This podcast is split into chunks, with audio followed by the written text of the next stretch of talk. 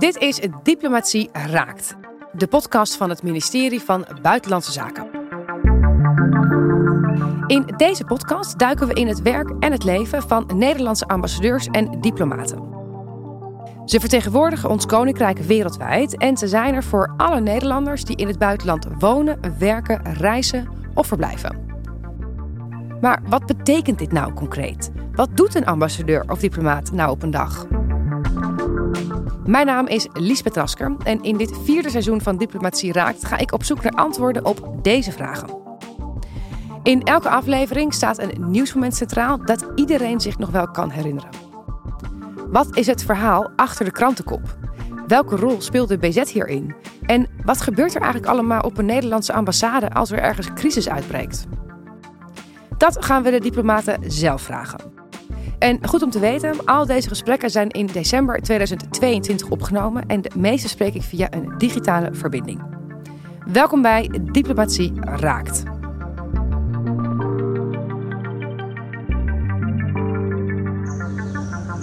Soldiers took to the streets of Burkina Faso's capital on Friday after gunfire rang out and a blast was heard near the presidential palace. Two weeks after young officers ousted Burkina Faso's transitional president in the country's second coup in less than nine months, Captain Ibrahim Traore was sworn in as president. At a National Assembly on Friday, military, religious, and community leaders gathered to formalize Traore's appointment. Just a week ago, 34 year old Ibrahim Traore was an unknown in Burkina Faso, but in the space of a weekend, he catapulted himself from army captain to the world's youngest leader. Vandaag spreek ik Esther Loeven. Zij werkt al bijna 24 jaar voor Buitenlandse Zaken en is plaatsvervangend ambassadeur in Burundi en Soudaan geweest. Sinds 2021 is ze ambassadeur in Burkina Faso, een land waar het momenteel erg onrustig is. Hoe is het om ambassadeur te zijn in een land waar de situatie extreem onzeker is en vooral waar de onrust zich ook tegen ambassades en collega-diplomaten begint te keren? Nou, Esther, wat fijn dat we je, dat we je kunnen spreken. Allereerst, wil jij jezelf heel even kort voorstellen? Nou, ik ben Esther Loefe en ik zit op dit moment in Burkina Faso, in de stad Ouagadougou, als ambassadeur voor Nederland. We hebben deze serie over impactvolle gebeurtenissen in de landen van onze ambassadeurs. Uh, in Burkina Faso woedt al tijden een, uh, een conflict binnen de politiek-militaire top. Kun jij ons even vertellen wat er precies aan de hand is?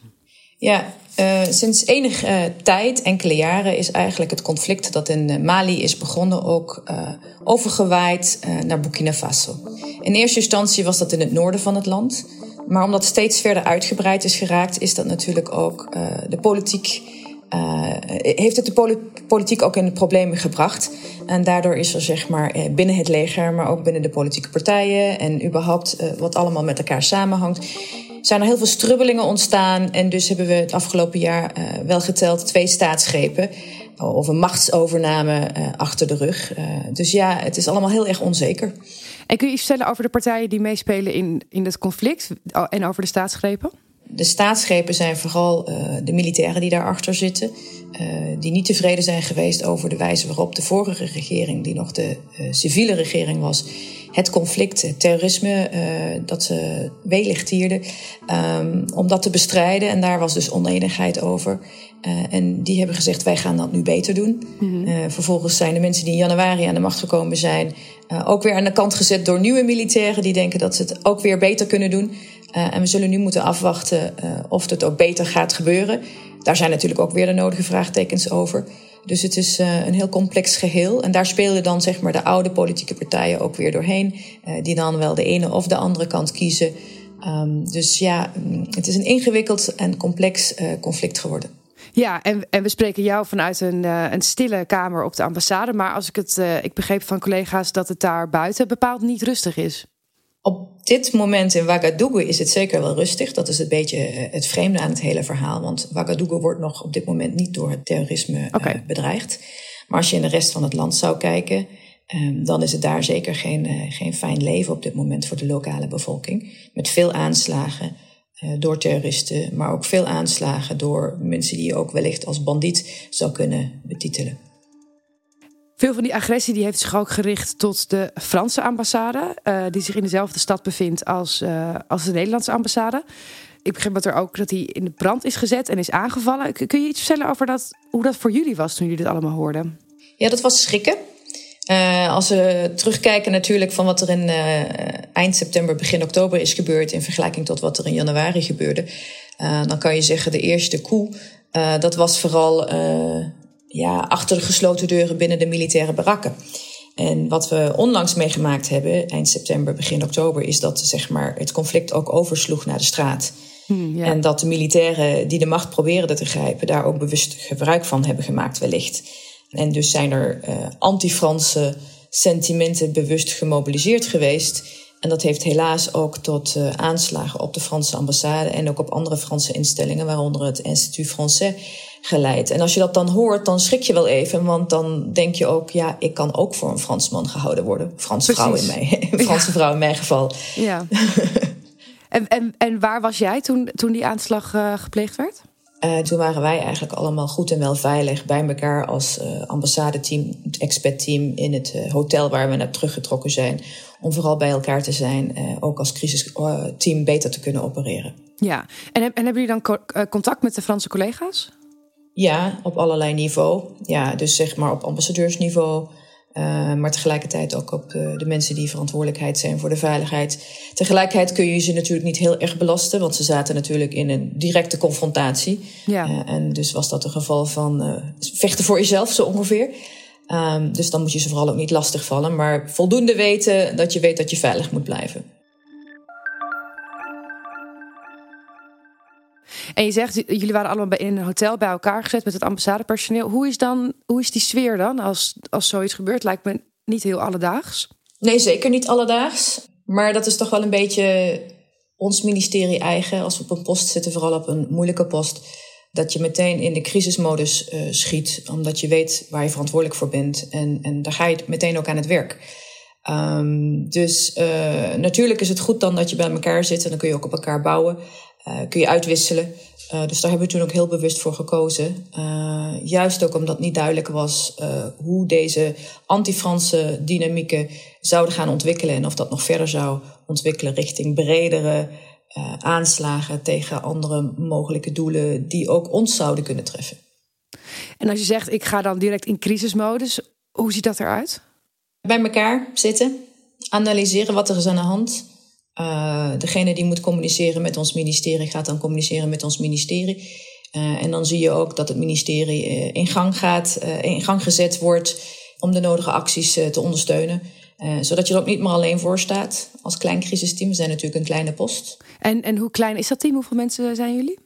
Wij zijn op dit moment zes uitgezonden staf uh, in een team van twintig medewerkers. Dus de rest is lokaal. Mm -hmm. En op het moment dat een crisis plaatsvindt, uh, kun je er zo ongeveer vergif op innemen dat er altijd wel iemand met verlof is. Dus je crisisteam is daardoor bij voorbaat ook altijd kleiner. Um, in dit concrete geval was ons crisisteam uiteindelijk vier personen. Wat zijn die taken die er dan liggen eigenlijk als er, als er dus crisismodus is? Wat, wat moeten jullie dan doen? Uh, allereerst informatie verzamelen en analyseren van wat is er überhaupt aan de hand. Het, uh, het, is natuurlijk heel moeilijk, want er speelt zich iets af in een stad en je ziet het niet. Mm -hmm. uh, natuurlijk zitten wij in een regio, maar dat is überhaupt natuurlijk de nieuwste mode, dat we te maken hebben met heel veel misinformatie, fake news. Wat is echt, wat is niet echt? Ehm, wat gebeurt er nu echt? en dus je probeert heel veel informatie ook te verifiëren. en natuurlijk een inschatting te maken van wat is er echt aan de hand. Daar gaat enige tijd mee gemoeid. Uh, want er zullen zeker in het begin allerlei verschillende meningen zijn. Ook van andere ambassades, uh, onze gelijkgezinde landen. Um, iedereen komt met zijn eigen informatie. Uh, maar dat is dus heel belangrijk om te blijven communiceren, zodat je die goede inschatting kan maken.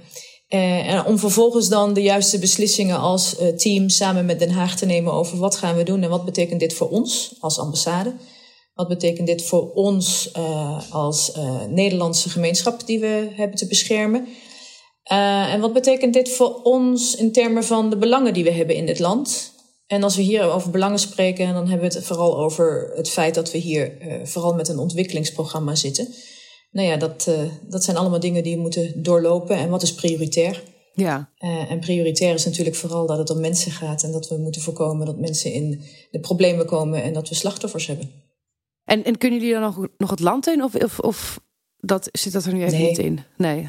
Nee, als je de kaart van uh, Burkina Faso op dit moment uh, bekijkt, dan is eigenlijk uh, alleen Ouagadougou oranje. Dus de hoofdstad. En de rest hebben we allemaal rood gemaakt, omdat het zo onvoorspelbaar is. Ja. Vanwege de terroristische dreigingen. En vanwege het feit dat wij natuurlijk met een andere kleur het veld ingaan. en niet zomaar onder de radar kunnen bewegen. En je bent nu op de ambassade. Uh, jullie hebben een tijdje in een hotel gezeten. Hebben jullie ook veel vanuit huis gewerkt, omdat die ambassade dan misschien niet veilig was? Of, of zijn jullie wel steeds naar de ambassade kunnen blijven gaan? Op het moment dat het kust weer veilig was en dat we dus teruggingen, hè, want het is een beetje zo'n crisis van uh, op en neer, op en neer. En dan heb je het weer de kust veilig gegeven. En dan gaan we terug naar ons, uh, ons werk, naar onze werkplek. En dan kijken we gewoon. We vragen ook vooral ook aan onze lokale medewerkers of ze zich veilig voelden om weer terug naar het werk te komen. Of dat ze liever nog even langer thuis zitten.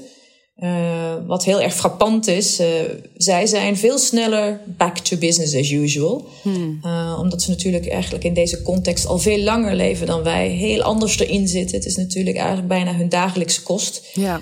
maar goed, dat, daar hebben we dan discussies over. Van, voelt men zich veilig om weer terug te komen naar de ambassade? dat is zeker niet met dwang. Mensen die nog even liever thuis blijven werken om zich veiliger te voelen, dat kan dan ook. En gelukkig hebben we daar ook de voorzieningen voor. En inderdaad, uh, de staatsgreep, uh, twee stuks dit, uh, dit jaar. Weet je nog het moment dat je het hoorde voor het eerst? Dat, het, dat dus die eerste staatsgreep er was? Wat, waar was je toen? Hoe, hoe, hoe, hoe kun je dat voor me inkleuren? Ja, de eerste staatsgreep was in januari.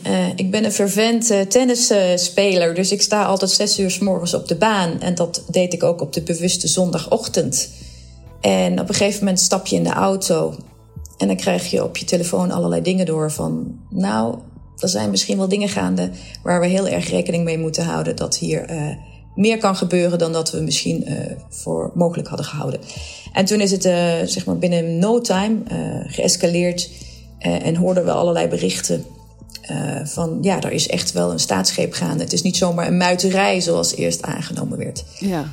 Nou ja, en, en vanaf dat moment heeft iedereen op zijn eigen plek thuis gezeten. Dat was dus de eerste staatsgreep. En omdat het dus niet uh, via de straat ging, zeg maar, met allerlei demonstraties, er was geen, uh, geen vergelijkbaar proces zoals we onlangs hadden, um, konden we ook gewoon thuis blijven. Maar het is wel heel vreemd, want je zit thuis en je hoort van alles om je heen. Ja. Uh, je hoort helikopters vliegen, het luchtverkeer was dicht, je hoort zware vliegtuigen opstijgen. Uh, dan krijg je zo'n rare tik dat je op, uh, op de flight radars gaat kijken van wat stijgt er nu weer op. Om te kijken van wat het is, om, om, om maar informatie te verzamelen. Ja, en in, in, in januari was het ook nog een keer dat ze het internet eruit gooien. Oh, uh, wow. Dus dan wordt het nog moeilijker om in contact te blijven. Ja, toen hadden alleen maar de mensen, ze hadden het mobiele internet eruit gegooid. Dus zeg maar, onze lokale medewerkers waren op dat moment alleen nog maar beschikbaar en, en te bereiken via sms'jes. En niet langer via zeg maar, de WhatsApp en andere soortige kanalen die meer digitaal zijn. Um, en in de tweede staatsgreep, machtsgreep noem ik die eigenlijk, want het was een militair die de militair aan de kant schoof van de gelijke, eh, vanaf, uh, vanuit de gelijke partij. Daar zag je dat het internet wel uh, uh, bleef, aanbleef. En dus mhm. konden we op een andere manier communiceren met onze eigen lokale medewerkers en andere mensen. Maar ja, dan nog, dan zit je in een hotel en toch wel erger in je, in je kokonnetje hopende dat je de analyse goed kan maken op basis van de informatie die je verzamelt. Dat lijkt me ook best beangstigend. Met die vliegtuigen, het internet eruit, je weet niet wat er gebeurt. Ja. Ik moet zeggen, in, uh, in september was het behoorlijk beangstigend op het moment dat we wisten dat het naar de straat omsloeg. En dat we ook hoorden dat de militairen, ondanks dat de staatsgreep machtsovername al had plaatsgevonden, maar dat er toch nog heel veel intern over wordt gesteggeld dat de oude groep die aan de kant gezet werd, eh, gezet werd, dat die eigenlijk geen akkoord gaf daarop en dat die eigenlijk militaire middelen willen gaan inzetten. En dat we dat doorkregen en tegelijkertijd zagen we hele, heel veel helikopters laag over de stad vliegen. En dan denk je echt even, dan houd je je hart vast en denk je, oh, gaan ze nu schieten?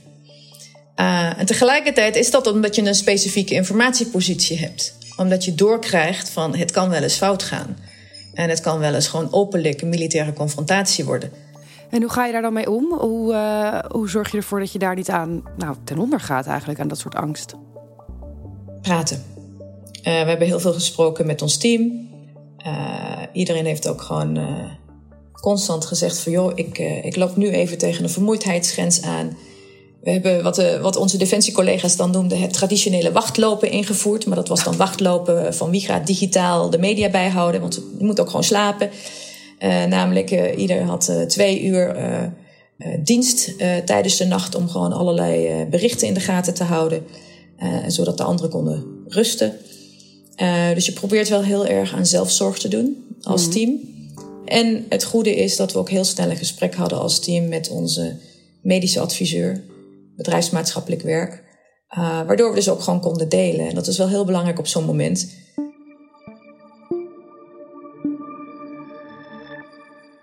Je kwam in 2021 op deze post. Toen speelde dit nog niet in ieder geval. Ik kan me voorstellen dat je hier met een heel ander idee naartoe ging dan waar je nu in zit. Wat, wat had je verwacht van deze post? Laat ik het zo zeggen. Ik wist natuurlijk wel dat ik naar een moeilijk land ging. Een fragiel land, een crisisland. Maar niet in die zin van dat de kans van een staatsgreep zo acuut was. Hmm. Maar goed, ik kwam hier aan eind augustus 2021. Binnen een maand, goed luisterend naar andere collega's en zien wat er gaande was, was al wel snel duidelijk van nee, we moeten ons op andere dingen voorbereiden. En dan loop je aan tegen het feit dat het nog steeds een nieuwe post is. Uh, waar je dus zeg maar mensen hebt zitten die nog niet lang op de ambassade hebben gezeten, omdat ze allemaal nieuw zijn. Uh, en dan is het toch wel uh, een ander, andere tak van sport om je voor te bereiden op een crisis, zoals je dat misschien op een meer reguliere, langer bestaande ambassade zou kunnen en moeten doen. Ja, en wat, was het, wat is het belang eigenlijk van een ambassade in Nederlandse ambassade in Burkina Faso? Een ambassade is natuurlijk om bilaterale relaties te onderhouden met landen. Mm we zijn een open economie als Nederland, dus ieder land telt. Uh, dus met ieder land hebben we wel wat te, wat te doen uiteindelijk, hoe klein of hoe groot ook. En in ieder land wonen er ook wel Nederlanders. Ik wil niet zeggen dat dat de redenen zijn om een ambassade te openen. Maar heel specifiek voor de ambassade in Burkina Faso, die voorheen gesloten werd, waar we lang, lange tijd gezeten hadden. Um, daar is dan toch de politieke beslissing genomen om hem weer te openen gezien de specifieke instabiliteit in deze regio, die dus ook wel een dreiging vormt voor Europa en dus ook Nederland. Onze hoofdinzet hier op dit moment is um, ontwikkelingssamenwerking. Dat was het vroeger ook, voordat we dichtgingen. Um, maar ik denk in het nieuwe tijdperk waarin we een uh, geëmancipeerd Afrika zien op de wereldkaart, is het toch wel belangrijk dat we breder kijken. Uh, dat was natuurlijk ook een, een, ja, een inzet van een ambassade om dan ook bredere relaties aan te gaan. Uh, en niet alleen maar uh, op ontwikkelingssamenwerking bezig te zijn. En op dit moment is het natuurlijk vooral uh, stabiliteit en kijken wat we hier kunnen betekenen. En kijken wat dit betekent voor Nederland in bredere zin. Ja, en wat voor een, de stabiliteit inderdaad is natuurlijk nu prioriteit. Wat voor projecten heb je eigenlijk lopen of had je bedacht misschien wel om hier te gaan doen? Wat voor dingen liggen er meer op de agenda? Er was al een programma opgezet, maar dat was nog in de tijd van de crisis zat nog in het noorden. Uh, en dus zijn we die programma's gaan uitvoeren. En daar hebben we natuurlijk ook heel goed naar moeten kijken van wat kan nog wel en wat is nog verantwoord. Uh, dus we hebben ook een enorm uh, proces gehad het afgelopen jaar met het hele team om nog eens een keertje goed onze eigen projecten, programma's door te lichten van zijn we wel goed bezig. dus dat is ja, een, een, lange, lange oefening waar we mee bezig zijn. Ik denk dat we er langzaam zijn. Uh, om beter te begrijpen van ja, wat we vooral wel kunnen uh, en, en, en wellicht ook moeten doen. En wat we vooral ook moeten laten. Kun je daar voorbeelden van geven? Nou, het is natuurlijk altijd heel moeilijk. Je wilt graag bijdragen aan stabiliteit. Uh, maar wat we ook in andere landen hebben gezien, is dat natuurlijk heel moeilijk. Uiteindelijk moet je natuurlijk ook het land zelf en de lokale bevolking zelf van kunnen overtuigen dat stabiliteit vooral ook door hen gedragen moet worden. Uh, en dus kunnen we vooral, uh, vooral een indirecte rol daarin spelen en geen directe rol. En tegelijkertijd kijken van in hoeverre kun je überhaupt nog met deze overheid werken. Want er is natuurlijk wel een staatsgreep geweest. Het is geen legitieme overheid meer, geen legitieme regering meer. Um, en daar krijg je natuurlijk wel de nodige blokkages op je pad. Je hebt hiervoor ben je plaatsvervangend ambassadeur geweest in Sudan en in Burundi. Heb je een voorkeur voor landen op het Afrikaanse continent? Nou ja, ik zal zeggen, Africa happens to me. ja. Het heeft vooral ook met persoonlijke en familieomstandigheden te maken. Ik ben met een Afrikaanse man getrouwd. Hij komt uit Oeganda. En om onze respectievelijke ambities, we hebben dat geprobeerd te combineren, waardoor ik een beetje in Afrika ben blijven circuleren. Uh, wil niet zeggen dat ik niet geïnteresseerd ben in andere regio's, absoluut niet het geval.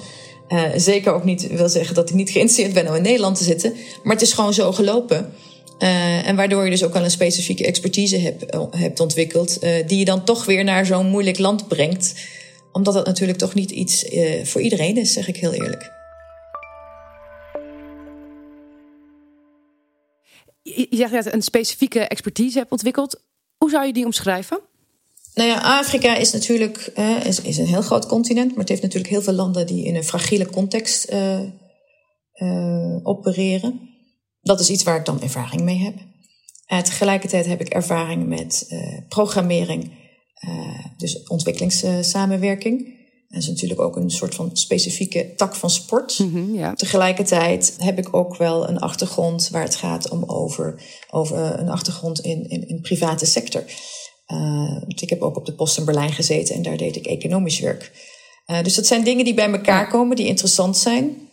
En tegelijkertijd, uh, het spreken van de Franse taal is natuurlijk ook wel erg handig mm -hmm. als je naar West-Afrika gaat. In ieder geval het francofone West-Afrika. Dus um, ik denk, ja, en het bereid zijn om naar dat soort landen te gaan en ook je familie daar naartoe te nemen. Dat zijn keuzes die ik bereid ben te maken. die wellicht niet altijd voor andere mensen net zo gemaakt zullen worden. Ja, want je zit daar met uh, je man dus, zoals gezegd, maar ook met je kinderen. Mm -hmm. Dat is een, is een, behoorlijk andere opvoeding dan bijvoorbeeld die ik heb gehad in het uh, brave Amsterdam en Haarlem in Nederland. Hoe zie je dat het ze vormt, zo'n leven? Ja, ik denk, het tekent ze wel, want ze krijgen natuurlijk wel crisis mee. Uh, belangrijk is er ook, denk ik, toch ook met hem over te praten. Mm -hmm. dat niet de hele wereld wellicht zo is. Uh, dat het specifieke redenen heeft. Um, en ik denk wel dat dat mogelijk is, ook om dat uh, de kinderen mee te geven, bij te brengen. Tegelijkertijd groeien ze op met kinderen die door eenzelfde traject heen gaan. Uh, dus ik denk dat ze daar ook wel bij elkaar weer steun vinden. Daar ga ik althans van uit. de scholen, in ieder geval, internationale scholen waar ze allemaal naartoe gaan, besteden daar natuurlijk ook aandacht aan. Ja. Dus um, ik denk dat iedereen die in die context zit daar wel oog voor heeft. Ja. Uh, en daar kun je ook voor, om vragen natuurlijk als ouder. Wat hoop je dat ze leren van deze ervaringen? Dat de wereld niet vanzelfsprekend allemaal in orde is en dat welvaart ook geen vaste gegeven is. En dat er dus heel veel nog te doen valt om wellicht de, beter, de wereld voor een betere plek te maken voor iedereen. En dat zij daar wellicht met hun ervaring ook een rol in kunnen spelen. En nu komt mijn idealisme naar voren. Ja, precies. nou, dat komt ook goed uit. Want ik, wil, ik ben nog wel benieuwd wat voor soort ambassadeur je bent. Een, een idealistische ambassadeur? Kan ik dus een beetje misschien ook? Ja, de meeste mensen die bij ons ministerie gaan werken... zijn natuurlijk wel mensen die met een, een bepaalde gedrevenheid uh, de dienst instappen. Mm-hmm. Nou, en voor mij is dat toch wel uh, gedreven door idealisme. Uh, gedreven door het feit dat we in een grotere wereld leven dan wat het uh, kikkerlandje Nederland dan is. Mm-hmm. en dat Nederland zeker niet op zichzelf kan staan. En dat we dus ook zeker moeten proberen er zo'n goed mogelijke plek van te maken met z'n allen. Dus dat is een beetje het idealisme. Nou, zo ben ik erin gestapt. Na zoveel ja. jaren Afrika-ervaring komt er natuurlijk ook een flinke dosis realisme bij. Mm. Van dat dat niet zomaar een gelopen race is en zeker niet altijd even makkelijk is. Maar dat wil niet zeggen dat we het idealisme moeten opgeven. Ja. En hoe, hoe neem je dit mee in je dagelijkse werk? Ja, wat, wat ik altijd heel erg interessant vind, is om aan vooral onze lokale staf in dit soort posten duidelijk te maken dat zij de game changers van hun land moeten zijn. En dat wij dat niet zijn.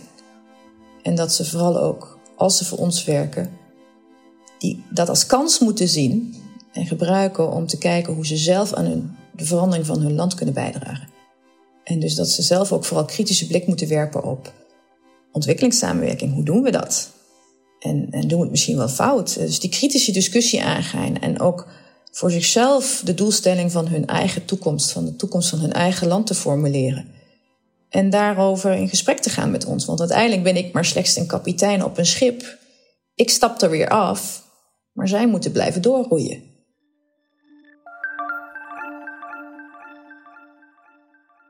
De kapitein op het schip. Uh, jij zit een jaar op het schip. Uh, een post duurt vier jaar. Dat betekent dat je in principe nog drie jaar voor je hebt. Hoe hoop je dat je het kunt afsluiten over drie jaar? En voor dit soort posten krijgen we meestal kortere plaatsingsduur. En voor mij, in mijn geval is dat drie jaar. Dus in principe zal ik hier drie jaar zitten. Dus ik heb nog anderhalf jaar te gaan. Okay. Men mag verlengen, men mag verkorten natuurlijk. Dus we gaan mhm. zien hoe de situatie zich uh, um, ontwikkelt. Um, nou, wat ik heel graag zou willen is, ondanks alle onvoorspelbare omstandigheden, dus het kan zomaar weer hier fout gaan, um, dat we toch hier een team hebben staan die in zichzelf gelooft. En die gelooft in het feit dat ze zelf meer kunnen dan wat ze misschien zelf vandaag zouden kunnen denken. En dat ze daar zeg maar ook hun eigen mensen, hun eigen vriendenkring, hun eigen cirkel van kunnen overtuigen. Eh, en als dat dan zeg maar als een klein sneeuwbaleffectje veel verder reikt, uh, ik denk dan als ambassade ben je ook nuttig bezig. Ik wil je daar heel veel uh, succes mee wensen. En je heel erg bedanken voor je tijd en je verhaal.